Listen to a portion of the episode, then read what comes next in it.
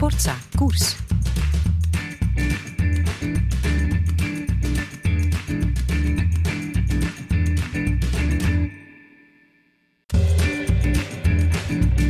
Hallo en van harte welkom bij een nieuwe aflevering, de zevende al van de reeks Jonge Wolven. Hè, over jonge renners die aanleg hebben om goed en vooral snel met de fiets te kunnen rijden. En ja, ook nu komen we weer uit bij de vijver, waarvan ene Kurt van de Wouwer de opzichter is. Het belofte team van Lotto Soudal. Ja, noem ze maar. Vervloesem, Sweeney, Verschaven, Van den Nabelen, noem maar op. Allemaal mannen die doorgestroomd zijn aan de profs. Hè. En opvallend, we hebben weer bijzonder veel klimtalent. En ook onze volgende gast kan behoorlijk een eh, berg op fietsen. Bij de junioren won hij de Alpenklassieker. Misschien is hij dat tot nu toe al beu gehoord dat daarna verwezen wordt. Een adelbrief, ja zeker. Al eh, bleek dat niet een hele goede garantie te zijn voor een ultravlotte overstap naar de belofte. Die doorbraak die kwam er vorig jaar dan wel met puikenprestaties in de ronde van de Isard. Maar vooral die van de Savoie. Derde in de eindstand na ene Pierre Rolland, tweevoudig ritwinnaar in de Tour. Hij kan dus klimmen, is bovendien rap aan de streep. Zeker in een uh, kleine groep. Antwerpenaar, enfin uit Wustwezel. Het land van de, jawel, daar hebben we ze, de Van Hooijdongs. Is blond en zou volgens Kurt van de Wouwer ook zijn zoals hij eruit ziet, namelijk guitig. Dag Maxim, of moet ik zeggen Maxime van Gils, wat zeg je zelf? Uh, ik noem mezelf gewoon Maxime. Ja. ja. Ergens zo de i tussen een korte en een lange ja, in eigenlijk. dat is een beetje moeilijk. Iedereen spreekt zo anders uit. ja. Wat zeggen de meeste mensen? Ik weet niet, mijn ouders spreken het anders uit als mijn vriendin bijvoorbeeld. Ah ja. Maar ik vind het allemaal wel mooi, zolang het Ja. maar niet mijn E achteraan is. Wat zeg je vriendin? Want dat is op dit ogenblik eh, in jouw levensfase het belangrijkste, denk ik. Ja, Maxime, Maxime. Ah, iets, ietsje De meer X. zo richting de Z zo. Ja, En een koosnaampje? Immeke of eh, nee? eh, Max. Ja, gewoon Max. Ja, Thuis ook kort. meestal Max. Voilà. Ja, dat ik vaak Maxime genoemd voor eh Dus dat. ten huize. ja. En dan luister je zeker, hè, wanneer er. Max wordt geroepen, dat is ter plaatse rust. Hè? ik luister altijd. Absoluut. We spreken hier vandaag af in een, een fietsenwinkel in, in Leuven. Ehm, waarom zeggen we dat? Je bent van Wustwezel, dat is wel een eindje rijden. Waarom eigenlijk hier? Ik had nog enkel onderzoeken in het UZ hier in Leuven. Voor eh, een paar eh, hartonderzoeken. Nou ja, Dat was het makkelijkste om hier af te spreken. iets om ons zorgen over te maken of niet? Of? Nee, het is allemaal Nee. in orde, heb ik net eh, vernomen.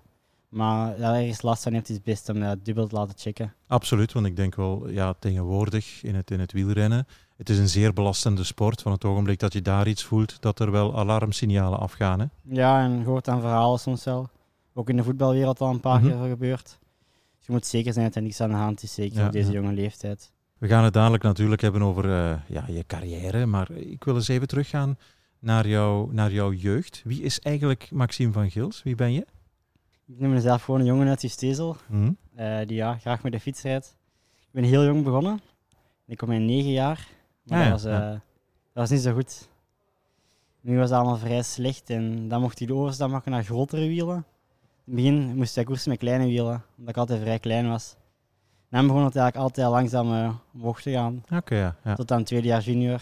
Maar je hebt gewoon hier bij ons in België bij de aspirantjes gekoerst, ja, hè? gewoon aspirantjes. Niet over de grens gegaan, Nee. want ja, Wustwezel, dat is vlak aan de Vlak grens. over En- de grens inderdaad, maar Ja. ik heb nooit eh, in Nederland gecrossed. Een Nee. paar misschien. Maar meer in ieder geval de wedstrijden altijd in België gereden. Ja, ja. En is dat eh, als kind de enige sport die je gedaan hebt? Heb je nog iets anders gedaan of is het altijd fietsen geweest? In het begin heb je dat gecombineerd met zwemmen. Maar omdat ik dan ja, cyclocross en eh weggereden, eh, wegkoersen deed, was dat een vrij moeilijke combinatie. Ja. En dan ben ik heel graag overgestapt naar alleen fietsen. En competitie gedaan? Of? Nee, dat ging ook niet met wielrennen, want die eh, wedstrijden vielen samen. Ze hebben dat wel vaak voorgesteld, eh, de zwemclub. Dus daar Ah. had je ook wel talent voor dan? Ja, ik kon wel goed zwemmen, maar mijn handen zijn nogal klein en mijn voeten, dus eh, ik had nooit een heel goede zwemmer Nee, geworden. nee, dus de natuurlijke vliezen die, die zijn er niet. Nee, die zijn aanwezig. Als je kijkt naar de kolenschoppen van handen van een Pieter Timmers of eh, andere Nee, die. Michael Phelpsen, dat zijn inderdaad natuurlijke zwemvliezen gewoon. Hè. Dat zijn serieuze, serieuze mensen. Absoluut. Ja, en ook, eh, het- is ook veel eisen, net zoals het koersen natuurlijk, het zwemmen. Morgens, als je iets wil bereiken, we kennen de verhalen van de burggraven, noem maar op. Timmers, 's ochtends om, om zes uur al voor openingstijd in het zwembad liggen. Ja, dat is echt een heel, een heel lastige sport. Ja. onderschat volgens mij. Mhm. en maar dan toch gaan fietsen eigenlijk en, en, en daar de liefde gevonden. Ja, en achteraf is dat wel de beste keuze Ja, geweest, ja, ja. ik. Wat, wat trok je als kind zo aan in, in de fiets, in de koersfiets? Eh, geen idee, denk ik. Mijn papa fietste. Die deed triathlon. En eh, wanneer hij zondag thuis kwam van het fietsen, dan mochten wij zo het lekje van zijn binon opdrinken. Ja, ja, ja. Ik denk op die manier dan voor mijn nee, verjaardag een fiets gekregen en zo is ze altijd maar blijven evalueren. Dus eigenlijk de, de, de smaak van sportdrank Ja, heeft je eigenlijk een soort van liefde al gegeven voor het fietsen. Zo van, ja, ja. als je het zo bekijkt misschien wel. Ja, ja. Nu dat eh, de discussie over de bidons en de drinkbussen heel actueel is. Jij ooit naar een profkoers gaan kijken en een drinkbus van een coureur kunnen opvangen? Scheldeprijs bijvoorbeeld, bij jou Eh. relatief in de buurt? Of? Mm, dat ik het me kan herinneren zelf, nee. Nee, nee, nee. nee. Ah, nee. Dus nergens een exemplaar van, eh, van een held. Had, had je misschien, had, wie waren je helden in de jeugd? Mm, Want ja, je bent van 99, ik hè? ben 99 jaar. Ja, ja, en dus jongens van jouw leeftijd, ja, sommigen zeggen Ja, nog Tom Bonen, maar dan was je nog maar zes jaar. Dus, eh, Nee, inderdaad. eh, ik weet niet nooit echt... Allee, ja, Tom Bonen is een geweldige coureur, maar... Was dan volgens mij meer fan van Cancellara, omdat ik die Zwitserse vlag dan mooi vond dan de ja, ja, ja. bijvoorbeeld. daar kan ik me eens bij voorstellen. Ja, Mijn ja. lievelingskleur was altijd rood en Ja, ja. ja, het meestal iets meer rood of zo. Dat is waar. En de Deense kampioenen in die tijd waren nog niet zo bekend als nu. Dus dan eh, was er, viel er niet veel eh, te kiezen natuurlijk. Dan moest je wel voor Cancellara Ja, gaan. dat was de man die het meest uitsprong, denk ik. Ja, ja. Poster ooit gehad op, op je kamer? Of? Nee. Zover ging het eigenlijk niet. Nee. Nee, nee. Dat fietsen, ehm, ja, je, je begint daarmee als kind. Hè? Vanaf wanneer eh, heb jij gevoeld van ja, dat, dat gaat wel aardig een goede kant uit? Eh, ik denk dat dat echt wel pas de winter van het jaar junior was. Eerst was het aan veldrijden ook nog, gelijk die. Mhm. En die winter ging het ook wel goed in, eh, in het veld. En dan begon ik op de weg. Dan ging het eigenlijk ook wel goed op de weg. En toen is er wel echt die klik gekomen, denk ik van... Ja, nu kan het wel een keer serieus Ja. worden. En waarom heb je toen eigenlijk als kind voor, voor het veldrijden eerst gekozen? Ik weet niet, dat was iets voor de hand liggend, denk ik, bij ons in de club. Eh deed iedereen een beetje in de winter eh, in het veld rijden. Dan ook altijd crossen, clubtraining, ja. Elke woensdag. Dat was leuk. En eh, zo is dat begonnen. Dat was een, een gewoon normale combinatie. Iedereen in de winter in het veld en in de zomer op de weg. ja. En ik deed dat ook. Wat ging je het beste af eigenlijk? Vroeger altijd het crossen. Maar op een gegeven moment ging het dan op de weg beter. En dat lag gewoon ook beter. Ik ben niet zo super goed vanaf, het, vanaf de start, om het zo te zeggen. En bij de cross moet je direct... eh, Ja, ja volle bak die Volle bak open natuurlijk. Ja, En ja. dat lukt niet zo goed bij mij. Ik ben meer iets van de langere adem en dan ligt de weg mij beter. Ja, dus meer een diesel eigenlijk, als ik je eh, goed Ja. begrijp. Ja, ik moet wel een beetje op gang komen. Ja. Ja, dus later ooit misschien, ik zeg maar wat, in een belangrijke ronde, een korte bergetappe, zoals dat tegenwoordig mode is van 80, 90 kilometer, dan ga jij wel moeten opwarmen op de rollen dan, om ja, al warm te zijn. eh, heel even op de roller moeten zitten, denk ik. Heb je dat misschien al gedaan vorig jaar in de Isaar of zo, bij de belofte opwarmen voor een belangrijke bergetappe? ja, ja, ja. ja. Ah, Vorig voilà, jaar ja. in eh Sava waren er ook een aantal korte etappes. Inderdaad, ja. En dan heb ik ook wel de rollen eh van tevoren gezeten. ja, ja. Wat heb jij gedaan in je middelbaar? Op school? Ik heb hout gevolgd. ah ja, ja. Ik vond dat wel leuk. Maar ik had er nooit echt eh, mijn beroep van willen maken, denk ik. Want toen al te veel aan het fietsen denken? Ja, te veel aan het fietsen gedacht altijd. Ik denk ook heel mijn middeljaren eh draaide eigenlijk meestal rond het wielrennen. Ik had nooit echt tijd om, eh, om te, ja, mijn vrienden weg te gaan, om het zo te zeggen. Want in de winter was ze aan het veldrijden, in de zomer was ze aan het wegwielrennen. Dus ik heb vooral eigenlijk altijd bezig geweest met fietsen. Na het schoolrecht met de fiets naar huis. Meer een deel van de tijd stond eh, in belang van het fietsen. Ja, dus Minder school. eigenlijk toch al vrij ernstig dan met de zaak bezig. Als je zegt van weinig met vrienden op stap gaan en zo. Ja, gewoon omdat er niet echt tijd voor was. Het was best wel een rijden van mij thuis naar school. Ik denk een uurtje fietsen, s'morgens en s'avonds. Dus ik moest dan ook wel echt op tijd in bed. Anders haalde ik het einde van de week niet. Ja, ja. Dan had ik niet echt veel tijd om eh, echt met mijn vrienden af te spreken. Dat gebeurde vrij weinig tot nooit. Ja, want als ik het mag zeggen, ja, in, in je houtafdeling zal je niet al te veel eh, huiswerk of hebben moeten studeren achteraf s'avonds. nee, hè? dat Dus- klopt. Dat was voilà. wel eh, een geluk, om het zo te zeggen. Ja, ja. Maar dan toch nog zeggen van oké, op tijd in bed, op je leeftijd, 16, 17, 18 jaar. Dat noem ik toch al vrij ernstig met de zaak bezig zijn. Hè? Ja, ik ben sowieso wel, al dat ik niet had gesport, iemand dat veel slaap nodig heeft. Al van jongs af aan. Het is wel belangrijk dat ik eh, genoeg slaap. Ja. Dat was toen ook die periode. Nooit gemist? Of bang dat je zegt ah, binnen een jaar of vijf, zes, het, het echt jeugdige leven, pinten gaan pakken, fuiven, heb je niet echt gedaan, als ik je goed begrijp. Nee. Misschien komt er later een periode dat je denkt, oei, ik moet het gaan inhalen. Of, eh, Nee, ik heb nee. een andere manier mijn, eh, mijn jeugd eh, doorgemaakt en die was ook even leuk, denk ik. Ja, absoluut. Er is niks mis mee. Hè? En, en, en kan je dat eens onder woorden brengen? De, het genot dat je haalde als kind al, als tiener, uit dat fietsen? Ik denk vooral gewoon de, het gezin. Eh, mijn ouders waren er volledig mee bezig. Mijn broertje zelf fietst ook. Mhm. Dus thuis draait het is niet, eh, ah alles draait eigenlijk om fietsen, maar op een hele leuke sfeer. Dus we lachen er heel veel mee. En in de weekends waren wij vaak op stap met, met de mobiel, om het zo te zeggen. Ah, ja, voilà. Ja. Dus dat is echt wel, we waren echt eigenlijk een team met vier. En dat maakt het eigenlijk wel leuker. En dat was dan misschien wel leuker dan met vrienden weg te gaan. ja, daar kan ik absoluut in komen. En Je broer is, die, die is iets ouder, hè? Nee, die is, Die is jonger. jonger. Ah, die is eh, vier jaar jonger. Die is nu tweede jaar junior. Oké, en koerste die dan ook in jouw periode? Of, of hoe verdeelden Ja, jullie ja. de weekends dan? Eh, Mocht de Ja. ene op zaterdag koersen, de andere op zondag? Of, eh, Dat gebeurde wel vaak, dat we dan op zaterdag Jenny koersten. Papa werkte altijd op zaterdag en dan reden wij met de mobiel door naar de volgende wedstrijd. En dan reed papa met de auto s'avonds en naar dan de kwam wedstrijd die achterna. van mijn wedstrijd. Dus dat was wel, dat was wel tof op zich. Ja, oké. En ging jij vooral in Luik en, en Luxemburg, eh Henegouwen, Wallonië koersen? Want ja, je, je zal al vrij snel gemerkt hebben dat je berg op kon fietsen. Ja, dat gebeurde wel. eh Dan kan je Wustwezel niet veel uit gaan richten, hè? Nee, nee, nee. Inderdaad, zo bij de nieuwelingen en juniors hebben we dat wel meer gedaan. Richting dan bijvoorbeeld ook deze kant rond Leuven en al. Ja, het Die gaan kiezen dat die iets eh, zwaarder. zwaarder waren. Oké. Wanneer heb jij dat gemerkt van ik kan een bergje opfietsen? Ik denk tweedejaars nieuweling zoiets. Ja, op die leeftijd. Ook omdat we in de vakanties vaak naar, eh, naar de bergen gingen om te gaan fietsen dan met gezin. En dan voelde ik wel dat dat, dat mij beter lag. Dat zag je dan ook. Nou ja, kon je eigenlijk vrij snel papa volgen dan? Ja, ja, ja. Dat ging al vrij snel bergop. Ja, dat is eigenlijk gek. Ik heb de, de vraag ook gesteld aan Harry van den Abelen bijvoorbeeld, aan Vervloesem, mannen die ook bergop kunnen fietsen. Van den Abelen is van Dendergem, Waregem, daar liggen ook geen bergen volgens mij. Ja, Vervloesem is van de kanten van Olen, eh, ook niet heel vlak. Dus talent om te klimmen heb je wel, hè? dat kan je niet echt kweken. Hè? Nee, eh, nee ja, dat, ergens heb je dat. Ah, dat is veel hangt af van je lichaamsbouw natuurlijk. Absoluut, ja. En wat, wat is het leuke aan klimmen? Kan je dat eens onder woorden brengen? Ja, ja, ik is dat helemaal niet zo heel leuk, hè. Dat is Ja, ik weet afzien, niet. hè. Ja, dat is, is absoluut afzien, maar, je kan, ja. eh, zeker als het snel gaat. vooral op het, eh, training is dat wel, eh, is wel fantastisch. Hè. Stages in de bergen zijn heel leuk. voilà, dan kan je de omgeving in je Ja. opnemen. Die hoge toppen zien en dan de sneeuw zien liggen en ja, gewoon de natuur zien veranderen. Mhm. Van het gras naar de stenen. vind ik altijd wel heel mooi. Ja. Maar in wedstrijd is vooral duwen en het is niet dat ik dan rondkijk naar, Nee, nee, naar de is, omgeving. nee, dat is weinig fun aan eigenlijk. Hè? Ja. Ja. En als je zegt bij ons thuis ging het er op een gemoedelijke, eh, grappige manier over. Zijn dat dan vooral de ouders die, die een beetje de stress weghouden? Want ja, ik heb nu persoonlijk ook op een zeer laag niveau gekoerst, nieuwelingen en juniors. Maar je bent daar toch al zo mee bezig en je leeft van weekend naar weekend. En ik heb zelf ervaren dat het moeilijk is om, om daarvan afstand te nemen, omdat je toch zo goed mogelijk wil blijven doen. Hè? Ja, nu is dat iets makkelijker om afstand te nemen van het wielrennen. Toen was dat moeilijker, denk ik, als nu. Toen was inderdaad ja, meestal altijd erover praten en dit en dat, terwijl dat we nu proberen een beetje meer te ontwijken en andere onderwerpen aan tafel aan te snijden. Ja, ja, want anders gaat het alleen maar daarover natuurlijk. Ja, ook Terwijl niet het leuk. nu, eh, ja. nu je beroep geworden is en er komt sowieso genoeg stress bij kijken. Hè? Ja, zo is dat. Mhm. Bij de junioren ehm, win jij de Alpenklassieker. Dat wil wel wat zeggen bij de, bij de junioren. Wat heeft dat met jou gedaan? Eh, dat heeft wel ja, veel poorten geopend, om het zo te zeggen.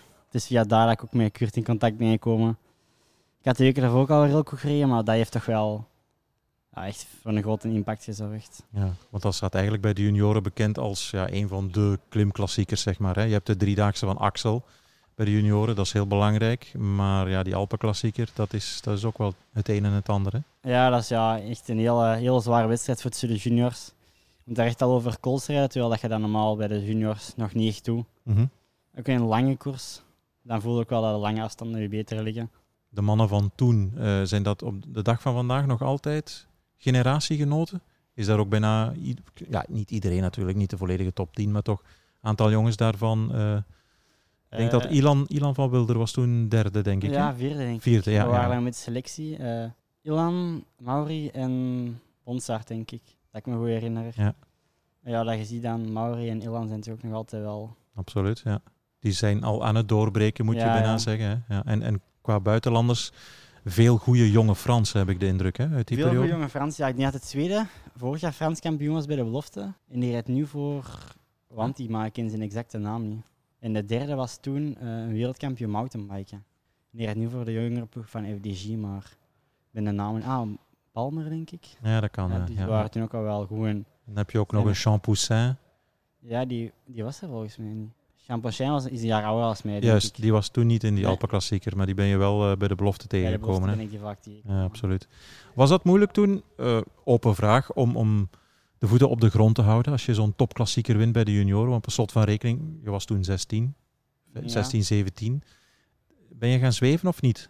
Nee, nee. Ik stond de dag erna denk ik al eh houten zagen. Ja, ja, tuurlijk. Maar dus, ik, ik, ik ken je persoonlijkheid ook niet natuurlijk. Maar ik kan mij voorstellen dat, dat jongeren die ambitie hebben om coureur te worden en je wint dan plots een bergklassieker, ja, dan denk je wel van oké, mijn broodje is gebakken. Maar nee, Nee, nee, nee, denk ik nee, nee. jij hield echt de voeten op de grond.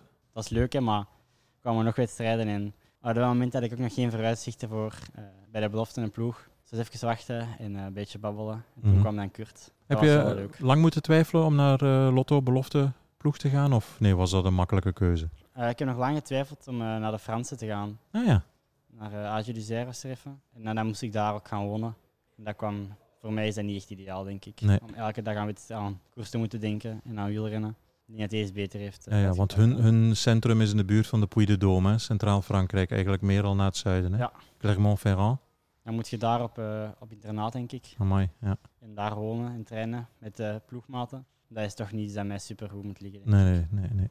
Want ja, bij, bij eh, Lotto natuurlijk een heel goed programma, zeer internationaal, goede begeleiding. Heb je absoluut geen spijt van gehad, denk ik, hè, van die drie seizoenen? Nee, echt, echt geen seconde spijt van gehad. Het programma is denk ik dat je een andere ploeg eraan kan typen. Echt fantastisch. Eh, de begeleiding is nog vrij los, om het zo te zeggen, tegenover andere boftploegen misschien. Waar je echt ontspannen aan de wedstrijden komt. En het was echt een vriendengroep. En dat maakt ons ook wel sterker. Wat heeft een Van de Wouwer jou geleerd? Ergens iets concreets dat je zegt van, ja, daar heb ik nu tot op de dag van vandaag nog altijd, daar pluk ik eh, de vruchten van. Eh, dat ik een keer goed gereden heb, dat ik dan s'avonds niet eh, in, het hotel, ah, in het hotel moet rondwandelen. Ah, ja, In de ja. gangen, maar dat ik gewoon op mijn bed moet gaan liggen, dat er een dag erna een, nieuwe ja. wedstrijd is. Eigenlijk altijd vooruitkijken, Ja. rusten. Vooruitkijken naar de volgende dag altijd. Ja, dat is toch wel iets waar ik op deze moment ook veel aan denk. Na de wedstrijd zo rap mogelijk douchen en gaan zitten of liggen. Ja. En dat een dag erna een nieuwe dag is. ieder procentje telt, hè. Mhm, dat klopt. En eigenlijk ook vanaf de belofte begint zo'n een, een misschien ogenschijnlijk stoms ding als eten en drinken, wat je bij de junioren veel minder moet doen. Maar daar moet je ook wel beginnen aan te denken Daar natuurlijk. heb ik echt ja, veel geleerd. Bij de junioren was het één bidon zeker op een wedstrijd. Mhm. En misschien eens een gelke proberen of een reep. Terwijl bij de belofte moest je echt leren eten en drinken, bidonnen aanpakken. Ja, ja. Dat was wel iets, iets belangrijk. Mhm. Hij is zoals hij eruit ziet. ja. Dus eh, inderdaad, dat is iemand die heel mondig is. Ehm, Je hoort Kurt van de Wouwer, ploegleider van Van Geels, bij de jongeren van Lotto. altijd vrolijk opgewekt, positief iemand. Iemand met talent. Altijd positief ingesteld, ehm, opgewekt, heel communicatief. We hebben hem in, in Aosta twee jaar geleden bezig gezien, tweemaal tweede in de rit. Had hem eigenlijk een rit kunnen winnen, maar is wat. Echt wel iemand met capaciteiten. Bij de junioren ook al Alpenklassieker gewonnen, zoals Mhm. ook Tim Welles hem heeft voorgedaan jaren geleden. Vrij snel in de spurt ook nog. Goede klimmer in de eerste plaats, maar als hij met een beperkte groep, een uitgedunde groep naar de meet gaat, kan hij ook nog eh, uithalen. Dus dat is, dat is echt wel iemand waar we iets van verwachten. Natuurlijk, we spreken uiteraard over zijn belofteperiode, nu de overgang. Eh, hoe verteert hij dat? Dat is allemaal nog een beetje af te wachten. Maar ik denk ook dat het nog iemand is waar zeker nog wel rek op zit. Kan ook nog iets serieuzer bezig zijn met zijn sport. Het was in het begin ook nog allemaal een beetje speels. Dat mag ook, er is niks mis mee. Ehm, maar nu zijn we wel op het moment gekomen dat het allemaal iets serieuzer moet worden. En dan hopelijk eh, maakt dat nog extra progressie voor hem. Ja, ja. Het eerste jaar toen hij overkwam, heeft hij een paar moeilijke momenten gehad. Dat hij echt wel met zijn voeten op de grond gezet geweest is. Wat ik ook helemaal niet slecht vind, dat ze echt even weten van oké, we zijn hier niet meer bij de junioren. Ook een paar keer afgeremd geweest door, door een valpartij, door, door een paar kleine tegenslagen. Waardoor dat hem eigenlijk niet direct ehm, gelijk een komeet naar boven geschoten is. Maar dan toch ehm, geleidelijk aan toch wel zich aangepast aan de categorie. ehm, en echt, enkele echt sterke resultaten neergezet. Hij was vorig jaar ook in Savoie in het eindklassement eh, derde. Dat zijn toch al eh, uitslagen waar je wel ergens mee kunt komen. Ik denk dat de aanpassing wel meeviel. Maar ik heb wel eh, als eerste jaar heb ik mijn rugwervel gebroken. Mhm. in Isar tijdens de laatste etappe. Ik stond toen al als eerste jaar denk ik al tien of zo in de GC daar, de laatste dag, dus dat was wel, ik was wel goed. Mhm. Maar ja, dan breekt je ruggenwervel. En daar heb ik wel al ja, lang last van gehad. Je moest dan lang in een corset wandelen. Ik kon ook niet naar school, ik kon ja, niet meer fietsen. Hoe is die eh, val gebeurd? Eh, in een haarspelbocht. eh, ik weet niet, ik verloor even de controle. Afdaling vermoed ik, ja. En ik ben naar rechtdoor gegaan en ja, het ravijn ingedoken. En dan op de volgende weg terug uitgekomen. Mai. En echt weer in mijn rug geland. En dan ben ik nog getransporteerd naar België. En daar is dan uitgebleken dat eh, er een scheurtje was of een breuk. Ja, dus eigenlijk bijzonder veel geluk gehad dan. Ja, bijzonder veel geluk gehad. Ook omdat de kans groot was dat het blokje, eigenlijk, de wervel, ging eh, indeuken. En dan zou ik een, eh, een hoogteverschil krijgen, waardoor ik ja, last heb van rugpijnen. Dat was lang afwachten of dat, dat niet ging deuken en of dat, dat mooi recht ging blijven. Ja, ja. Maar die breuk echt is een onevenwicht van Ja. achter. Maar die breuk, breuk is heel mooi hersteld. Dus echt goed je rust genomen om te herstellen en niet te vlug opnieuw willen beginnen koersen. Ja, dat klopt. Dus dat heeft wel lang geduurd. En daardoor is mijn eerste jaar ook niet geweldig geweest, denk ik. Ja, oké, ja, ja. Zoals ik vaak zeg, ja, ieder verhaal heeft twee kanten. Ja. En, en, en er zit altijd wel een verhaal achter natuurlijk en een uitleg. Hè. Bij de junioren, ik ga nog eens heel even terug, omdat dat bij de, jouw generatiegenoten ook heel belangrijk is geweest. Dat Vogezen klimproject van, van de Bond. Eh, zat jij daar ook in? Ja, ja, dat is nog wel een grappig verhaal eigenlijk. Ja, want je begint al te lachen terwijl ik eh, de vraag stel, wat is daar gebeurd? Ben je daar stout geweest? Of? Nee, nee, niet niet. Ik ben geen Nee. stoute jongen. Maar ehm, eerst zijn er testen in de Ardennen. Ja. Op kortere inspanningen en die waren bij mij vrij slecht. Oei, ja. Maar dat was nog de tijd van de Weert. En eh, ik, een, bij de, ja, een van de testen was mijn ketting eraf gevallen. En ik was er wel wat boos voor, want ik heb nog wel een karakter. En eh dat was Kevin opgevallen en die had al onthouden naar het jaar daarna. Toen gingen ze naar de, naar de Vogezen op klimstage. En ze hadden gezegd van ja, we nemen Maxime nog mee als extra. En kijken of dat lukt. En dat was dan een test op Ballot d'Alsace, denk ik. ja, dat is Ballon d'Alsace, en die was, eh, was echt wel heel goed. Ja. Was spectaculair goed. Dus daar heb je heel de frustratie van het jaar voordien Ja. uit je gefietst en laten zien van eh, ik zal eens laten zien wat ik kan, mannen. Ja, en die was dan bij de, ja, de allerbeste aller tijden, denk ik. Voilà, ja. Maar dan diezelfde dag is er eh, een andere renner dat in de selectie zat van de volgende twee koersen, waaronder ook als de Alps, die is gevallen in een afdaling. Mhm. En dan hadden ze een vervanger nodig voor die wedstrijd. En dan belde Kevin naar Carlo om te vertellen dat ik eh, goed reed. En dat ze mij wel een kans moesten geven in, eh, in de koersen, bergop. En zo ben ik dan eigenlijk meegegaan naar eh, de Alpenklassieker. Ja, oké. Dus van, van zo'n relatieve dingen hangt het dan precies af. Ja. Dat is eigenlijk wel een grappig verhaal Dat om is, dan terug ja. te denken, want daar is het allemaal begonnen en dan nu zit ik hier. hè. Voilà, inderdaad. Dus eigenlijk zou je bijna kunnen zeggen, dankzij de afgevallen ketting. Ergens wel, ja. Anders had er niet zo'n woede in je gezeten op Ballon d'Alsace. nee, nou ja, dat klopt. Is dat dan concurrentie onder elkaar? Eh, toen dat jaar had ik veel mee. Dat was een, ik denk dat wij daar waren. Remco was er ook bij. Mhm. En Ilan. En dat was eigenlijk een hele toffe groep. Er werd eh, veel gelachen, maar ook wel serieus getraind. Ja, nu dat viel eigenlijk wel mee, die concurrentie. Het was gewoon om het beste te proberen doen voor jezelf. Ja, En achteraf werd er wel een beetje gelachen dat, maar was gewoon ja, voor je eigen om de trapste naar boven rijden. want wie zat er toen echt in jouw selectie? Eh, Ilan van Wilder, eh Evenepoel, Gils. was daar ook. van Vroesem, ja? Van Tricht. Ja, En Maarten Verrijen, denk ik. ja, ja. ja. Dat was een toffe groep. Hangt dat af van karakters, van persoonlijkheden? Want per slot van rekening wil iedereen in die nationale selectie met die blauwe trui, nationale ploeg, wil hogerop, wil prof worden. Het is eigenlijk ieder voor zich. Dus je zou kunnen vermoeden of er niet van achterover moeten vallen als er een beetje nijd, concurrentie is. En, Ja, je zou dat wel denken, maar dat is eigenlijk totaal niet. ja. Dat was echt totaal niet dat jaar. Inderdaad, dat je logisch nadenkt, zou je denken, er is een concurrentie in de groep, want je gaat allemaal voor aparte teams. Zo is het, ja. Je wilt allemaal, pro, ah, allemaal een goede belofteploeg om dan misschien door te stromen. Je wilt allemaal naar, die, naar dat WK in dat jaar. Voilà. Maar nee, dat was eigenlijk allemaal... eh, iedereen gunde het elkaar, om het zo een beetje te zeggen. En de sfeer zat echt goed. Je komt dan bij, bij die belofte. Ehm, wanneer heb je daar die eerste prikkeling gevoeld van, ja, dat, dat, dat, dat gaat hier goed met me. ehm, een beetje doorzetten en dan kom ik er wel. Is er Eh. zo'n moment geweest? Of is dat vorig jaar pas geweest, in 2020, met, met Savoie in begin augustus? Nee, ik speciale corona denk als, eh, als belofte. In het begin van het jaar in Tour de Jura. Ook een vrij hoge aangeschreven wedstrijd. Mhm. Nee, nee, nee. eh Circuit des Ardennes was het. In Circuit des Ardennes had ik echt een heel goed gevoel. Maar daarna ben ik ziek geworden en heb ik wel even lang gesukkeld. Maar dan voelt je wel van, ja, oké, is, hier, eh, is hier goed. En dan ging ik naar Aosta in de zomer. En eh, ik werd daar tweede keer tweede. Dus toen wist ik wel van, oké, ja, nu zit er wel echt eh, perspectief in. Ja, het zit goed. kan ik hierop bouwen en verder kijken naar volgend jaar. Want toen, eigenlijk als je bekijkt bij de belofte, vorig jaar is echt wel het zoomom geweest. Hè? Doorbraakjaar mag je zeggen. Hè? Ja, ja, vorig jaar wel een goed jaar. Ik was dan ook derdejaarsbelofte, dus ideale leeftijd, denk ik. In een speciaal coronajaar, waarin er eigenlijk pas is opnieuw beginnen ge- gekoerst te worden vanaf augustus. Hoe moeilijk is dat geweest voor je? Want de ene zegt, ja, bijvoorbeeld Ilan van Wilder had dan vorig jaar, ook al was hij eh, al prof, moeilijk met telkens weer het uit, uitstellen van. Ehm, bijvoorbeeld een Harry van den Abelen zei, ik vond het helemaal niet erg, ik trainde graag en ja, zo wat. Ja, ik kom goed overeen met Harry en ik heb toevallig eh, vorige week ook de podcast van ja. geluisterd. En ik moest echt terugdenken, want ik heb hem een berichtje gestuurd van ja, bij mij was het hetzelfde. Ja, ja. Ik heb er totaal geen probleem mee gehad vorig jaar. Het is eigenlijk zelf een beetje deugd om... Beetje te resetten Het is mentaal. ook supergoed weer. Mhm. Eh, ik heb er echt van genoten. Ik kon samen met vrienden gaan fietsen. Ik heb echt langere tochten gemaakt, maar ook s'avonds een keer gebarbecued eh, met mijn familie. Dat kunnen normaal niet echt zo in een normaal waar, jaar, want dan moet je op tijd in je bed. Het is stress omdat het warm is dat je niet goed gaat slapen, terwijl vorig jaar was het goed weer. Je kon er echt maximaal van genieten. Maar je wist ook wel van ja, op het einde van het jaar is het een paar maanden, maar een paar maanden heel belangrijk zijn. Mhm. En dat wel in het achterhoofd. Ja, dat is waar. Dus vandaar dat iedereen, en jij dan ook, heel fris aan, aan het seizoen bent begonnen in augustus.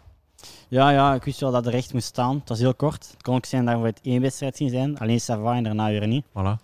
Dus het was de bedoeling van direct eh, goed te zijn. Ik ben denk ik een maand op stage geweest in totaal. En dan eh, direct, ja, ik was direct eigenlijk in orde. Ik heb dat niet allemaal kunnen doortrekken, maar was wel goed op zich. Want in die ronde van Savoie Mont Blanc voluit, eh, zo heet die, hè, eh, word je tweede of derde? Ik ben uiteindelijk derde geworden Derde, door eh, ja, mechanisch defect in de afsluitende tijdrit. Oesje, ja, ja, alweer toch geen ketting? Ja, een ketting dat eraf viel. eh Ja. Wel lang gesukkeld en dat was wel heel jammer. Ja, ja. Na Pierre Rolland, hè, tweevoudig ritwinnaar in de Tour. Ehm, hoe hoog schatte je dat in? Ja, toch wel heel hoog. eh, dat gezien dan hoe dat Roland de weken daarna in de Tour kreeg. Dan zag je wel dat hij echt in vorm was. Hij was wel beter, maar het, niveau, ah, het verschil was niet super groot. Dus daar kun je wel echt aan optrekken dan op dat moment. Ja. Zijn toen de sp- gesprekken begonnen met, met eh, John Lange van kijk, je kan prof worden? Of wanneer is dat gekomen vol, eh, Ja, jaar? na Sava is er wel begonnen. Ja, Toen ja. eh, zijn er wel wat gesprekken geweest en kwamen interesses wel wat binnen. En dan heb ik geschel van oké, nou deze kan ik wel, eh, kan ik wel prof worden. Mhm. Want je bent eigenlijk nog wel relatief goed doorgegaan op je el- elan. Hè? Natuurlijk in de ronde van die Zaar heb je ook goed gepresteerd, waar we Vloesem eh, gewonnen heeft. Ja, ja. Ja, was niet superieur, maar was goed. Het was jammer dat eh Lavenier werd afgelast. Ja. Dat was dan al anderhalve week na Sava. Dat was echt wel een beste periode geweest. Mhm. En dan had ik echt goed kunnen doorpieken naar Lavenier. Ja, want die ronde van de toekomst is per, slot van rekening voor de profploegen toch het uitstalraam, hè? Om, om jongens eh, Ja, eruit te pikken. klopt. Ja. Daar kijken er de meeste teams naar. Dus dat was wel jammer dat die werd afgelast, maar dan kwam er Isar en kwamen er nog een aantal mooie wedstrijden. Ja, ja. Ehm, welke, had je nog andere aanbiedingen dan, dan die van Lotto? Ja, er waren nog gesprekken met twee andere teams.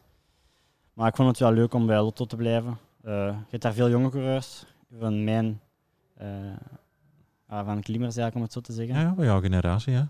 Dat was wel tof, ik kende er ook al een paar. Dat was wel het mooiste om dan ook door te stromen vanuit de belofte naar, naar Lotto, naar de profvloeg. ja, dat is wel je, een mooie aanbieding. Dus. Als je als één, enige of, of twee jonge gasten in zo'n ploeg komt met allemaal ervaren rotten, dat is wel iets anders dan, dan nu bijvoorbeeld. Hè. Ja, nu is- Vermeers ken je nog, Verschaven, Monique, noem maar op.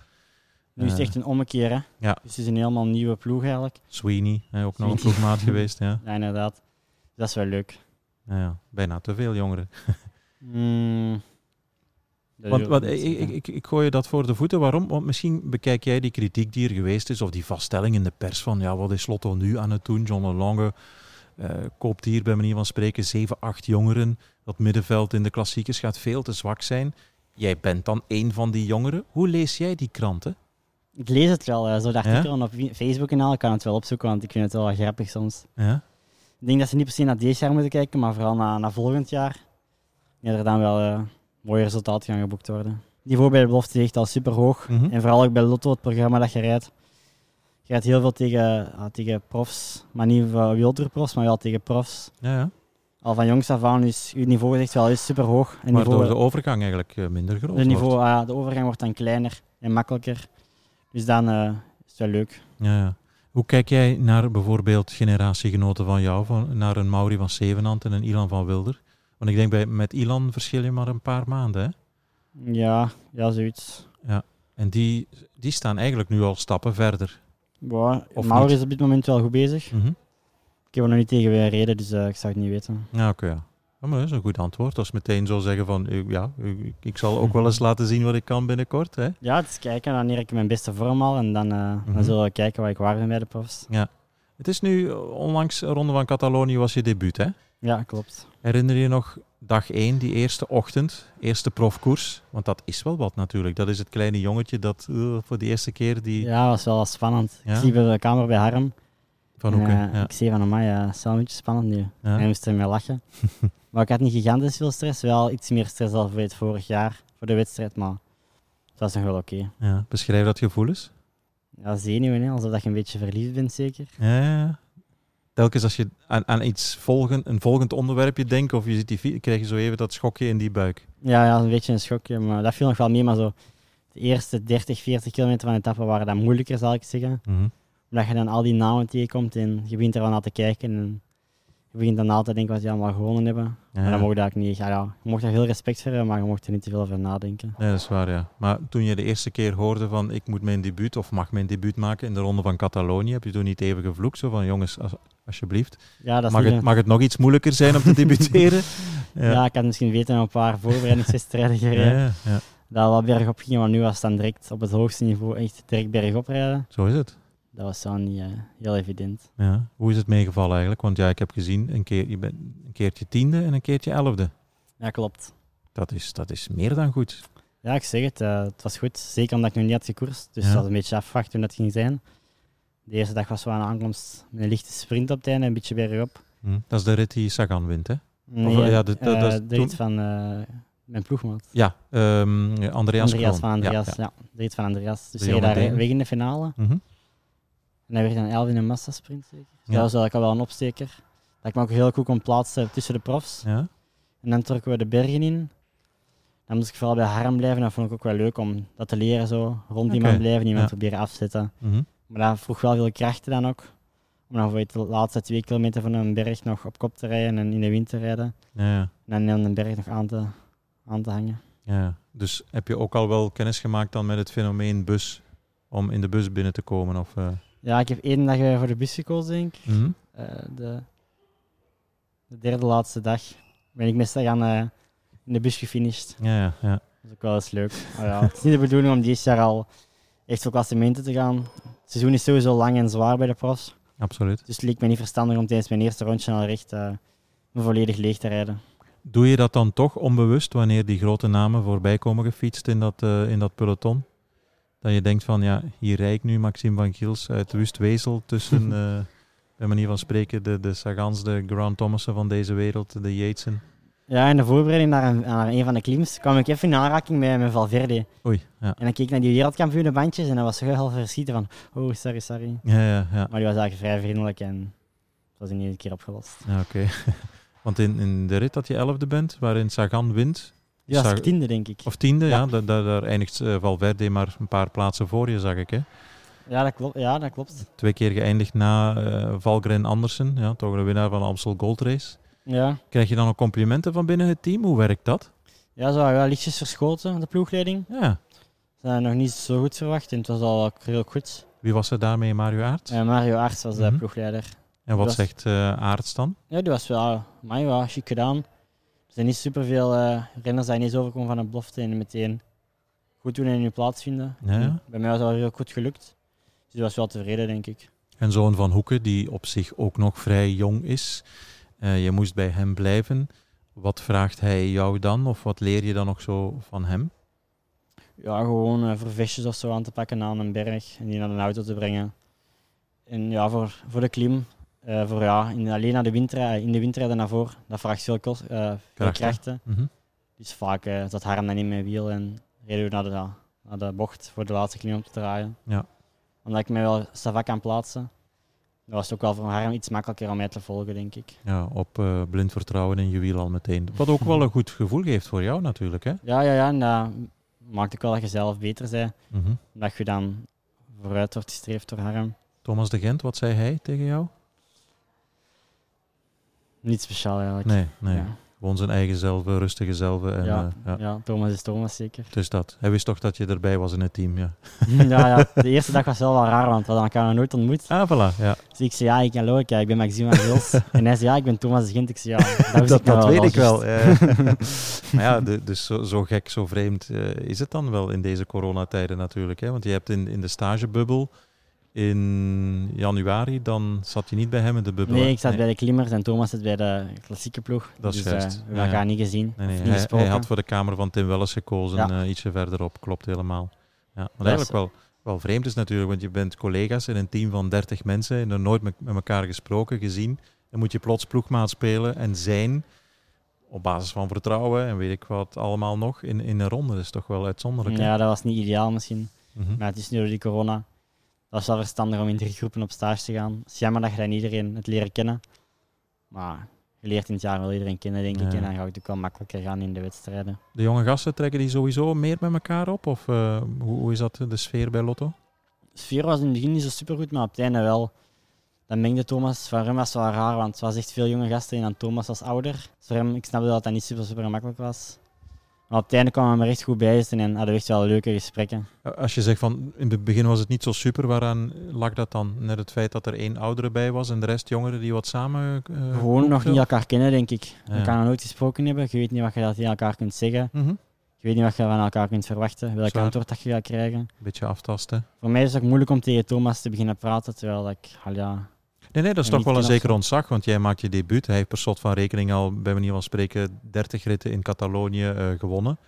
Dus Ja. daar, ga je, daar ga je niet zomaar naartoe en zeggen van, hey Thomas, hoe is het met de Playstation thuis? nee, dat klopt. Ja. Nee. Ehm, wat is je volgende wedstrijd? Eh, normaal gezien Romandie. Dus even rustig nu eigenlijk eh, de komende weken. En dan opnieuw een rondje. Want dat is Mhm. toch wel hetgeen waar ik mezelf in wil gaan ontwikkelen in de rondjes van een week momenteel. Dit jaar nog niet voor klassementen, maar misschien volgend jaar wel proberen. Hoe zie je jezelf ontwikkelen? Want ja, je hebt twee heel goede ehm, eigenschappen als coureur. Je kan klimmen, maar je kan je ook plaatsen. En je bent niet traag aan de streep. Nee, ik heb best wel een goede eindsprint. Het is een beetje ambetant dat ik door die eindsprint bij de belofte bijna niet gewonnen heb. Dat is een beetje raar misschien, maar ik kan nog wel heel goed sprinten op het einde en vooral mezelf plaatsen. Maar momenteel ontbreekt misschien dan nog dat tikkeltje vertrouwen. En ik hoop dat het er bij de belofte gaat, gaat bijkomen. Dat er kan blijven aanhangen op een zware klimmen en op het einde een goede laatste twee of drie kilometer rijden en nog een sprint rijden. Ja. Want dat wou ik ook vragen. Als je kijkt naar je uitslagen, een veelwinnaar ben je niet geweest hè, bij de jeugd. Hè? Nee, Ondanks het feit dat je niet traag bent. Hoe komt dat dan? Die sprint heeft zich wel ontwikkeld. Als eerste jaar belofte was die er nog niet. Als tweede jaar is hier een beetje gekomen.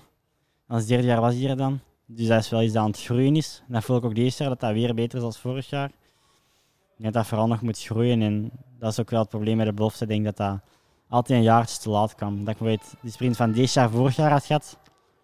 Dan misschien vorig jaar makkelijker Ah, ja. geweest om te winnen. Mhm. En is dat iets waarop je traint ook? Of eh, het- sprinten? Of? We houden dat er wel wat in, maar het is niet dat ik daar specifiek op werk. Want dat zou een enorm wapen kunnen zijn in bijvoorbeeld een ronde van, eh, ronde van Catalonië. Hè? Ja, zeker. En bergop kunnen en dan nog eens een beperkt Ja, mijn groepje. uitgediend peloton naar de finish gaan. Voilà. Ja, dat klopt. We houden die explosiviteit er wel in. We trainen daar wel geregeld op, maar het is niet dat ik specifieke sprinttrainingen doe. Ja. Echt een man met talent, zegt Van de Wouwer. Wat doe je daar dan mee? Hoe zie je je carrière evolueren? Waar wil je naartoe? Heeft Kurt dat gezegd? Ja? Ja, dat is moeilijk, hè. Eh, ik wil vooral voor deze jaar ontdekken wie ik ben en wat ik kan. Waarom ben je daarover verwonderd dat hij dat gezegd heeft? Oh nee, nee, dat is grappig. ja. Was hij anders kritisch voor jou? Of, eh? ja, ja, ja. Kurt was altijd wel heel kritisch voor mij. Maar ik denk dat ook wel mij altijd beter maakte. ja. En waarom was hij kritisch? Had hij daarvoor redenen? Ja, denk ik, want anders deed hij dat niet. En, en waarom dan? Ik denk vooral, ja, om met... eh, niet te plagen, maar Te prikkelen. te prikkelen, ja. Ik denk dat dat vooral dat was. Omdat hij misschien toch iets in mij zag. Vanaf het eerste jaar al. En dat hij mij zo is blijven prikkelen dat, dan, dat ik nu ben wie ik ben. Door elke keer die prikkels te krijgen en te denken, ah ja, Kurt zei dat, Kurt zei dat. Maar het feit dat hij, ja, hij is sowieso rustig, eh, maar dat hij prikkelt, dat is ook wel een teken dat hij effectief iets in je ziet. Hè? Ja, denk ik wel. En op een gegeven moment, in het begin had ik daar wat moeilijk mee. Maar op een gegeven moment ben ik dat ook wel een beetje meer gaan opvatten als een compliment van, ja, Kurt ziet hij mij daarom dat hem tijd en, en moeite erin steekt. Ja, ja. Kurt is iemand dat hem het niet ziet nu, zal hem, zal hem niet rap zo eh, prikkels geven of proberen naar een hoger niveau te tillen misschien. Terwijl hij iets nu ziet dat hem echt wel meer moeite en meer prikkels zal geven. ja, ja. Enfin, we waren bezig over hoe zie jij je carrière evolueren. En toen onderbrak ik je. Is dat ja, op, op termijn een ritwinnaar, bijvoorbeeld in een kleine ronde? Eh, ambieer jij meer? Eh, zie je zelf evolueren als een, een superknecht voor, voor, voor, voor een geweldige kopman, ronde kopman? Of? Ja, ik denk op dit moment dat ik moet proberen om mezelf te ontwikkelen als ja, rittenwinnaar. Ah, proberen te winnen en zo ver mogelijk te geraken voor de Ardennen klassiekers. Dat ook echt zware wedstrijden zijn. Einde vaak met een uitgediende groep nog een finale rijden. Mhm. Dat ik wel wedstrijden ga moeten zijn aan mij liggen. Maar natuurlijk, het hooggewerkt is ook wel iets dat mij, dat mij ligt. Ik heb het momenteel nog niet gedaan bij de profs. Maar dan inderdaad, om echt bij het hooggebergte uit te pakken, moet je echt een superster zijn. En dat gaat niet gemakkelijk zijn met een generatie, met Bernal en een Pojakar. Dat is waar, maar ja, je weet, er zijn nog jongens die uh, een heel goede boterham hebben verdiend in het fietsen natuurlijk, door niet uh, alles te winnen. Dat kan. Ja, klopt. Ja. Als je zegt dat je ook uh, de podcast van Harry van de Nabelen hebt gehoord, en heb je ongetwijfeld ook gehoord dat ik aan alle jonge gasten vraag van kijk eens terug, over twintig jaar in een glazen bol, wie zal Maxime van Gilstaan geworden zijn als coureur? Ik hoop iemand dat er alles heeft uitgehaald op het eerste moment. En dan ja, rit ergens gewonnen heeft en toch wel mooie uitslagen heeft gehaald. Dat je denkt van, amai, die is daarachter, die is achter hem. Die manier, denk ik. Mm -hmm. Heb jij een mening over het feit dat er uh, zoveel jonge gasten, je hebt daar straks al een klein beetje een tipje op, op uh, gelicht natuurlijk, zoveel jonge gasten zo snel goed zijn? Heeft dat te maken met het uh, veel professionelere aanpakken bij de belofte al bij de jeugd? Ja, of? zeker vanuit de juniors al, denk ik. Ik zie dat ze bij de juniors ook al echt heel specifiek trainen.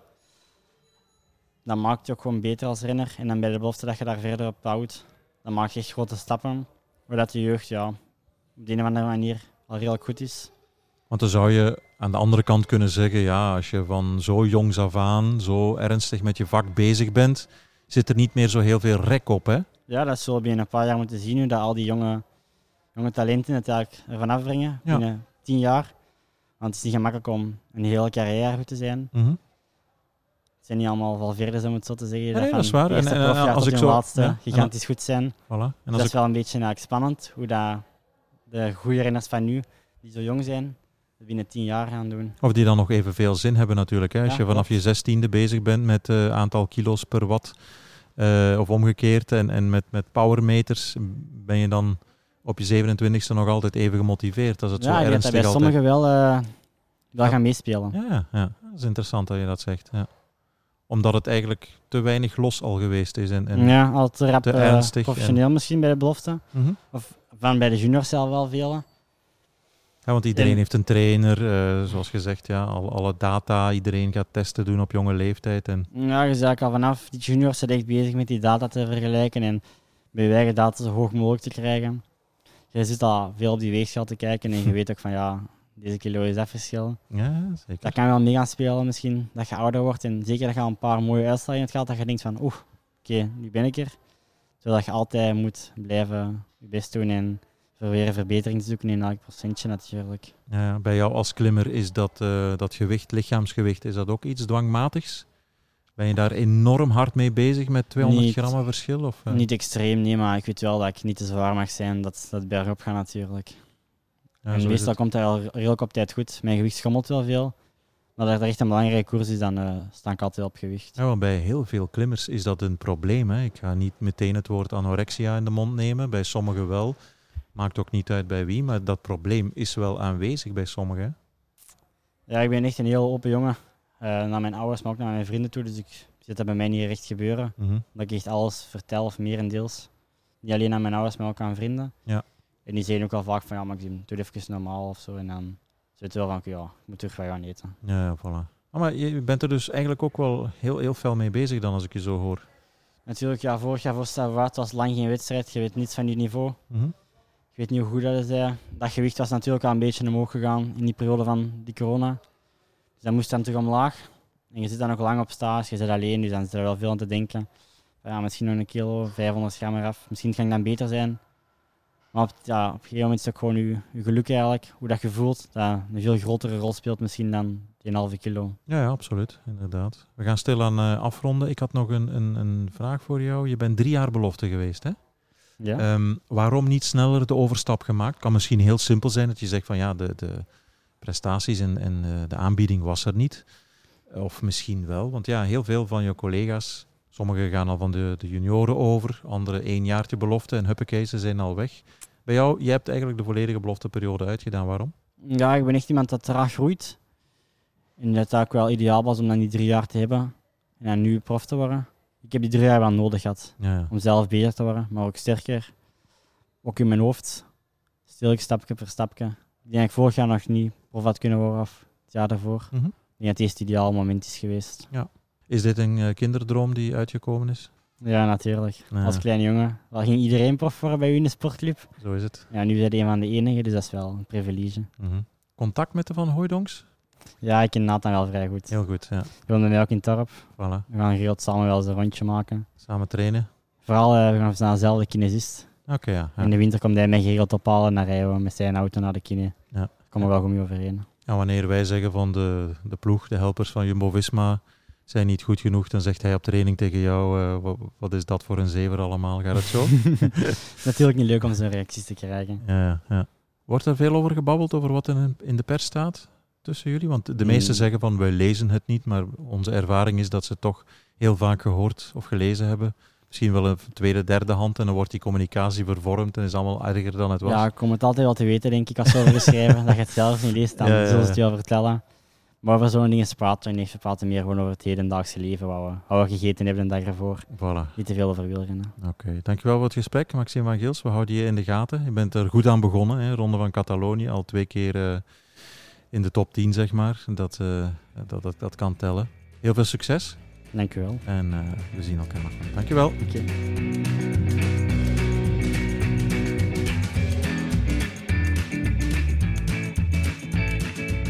Fijn dat je naar deze aflevering hebt geluisterd. Hè. Suggesties of opmerkingen kan je altijd kwijt via de bekende Sportza-kanalen.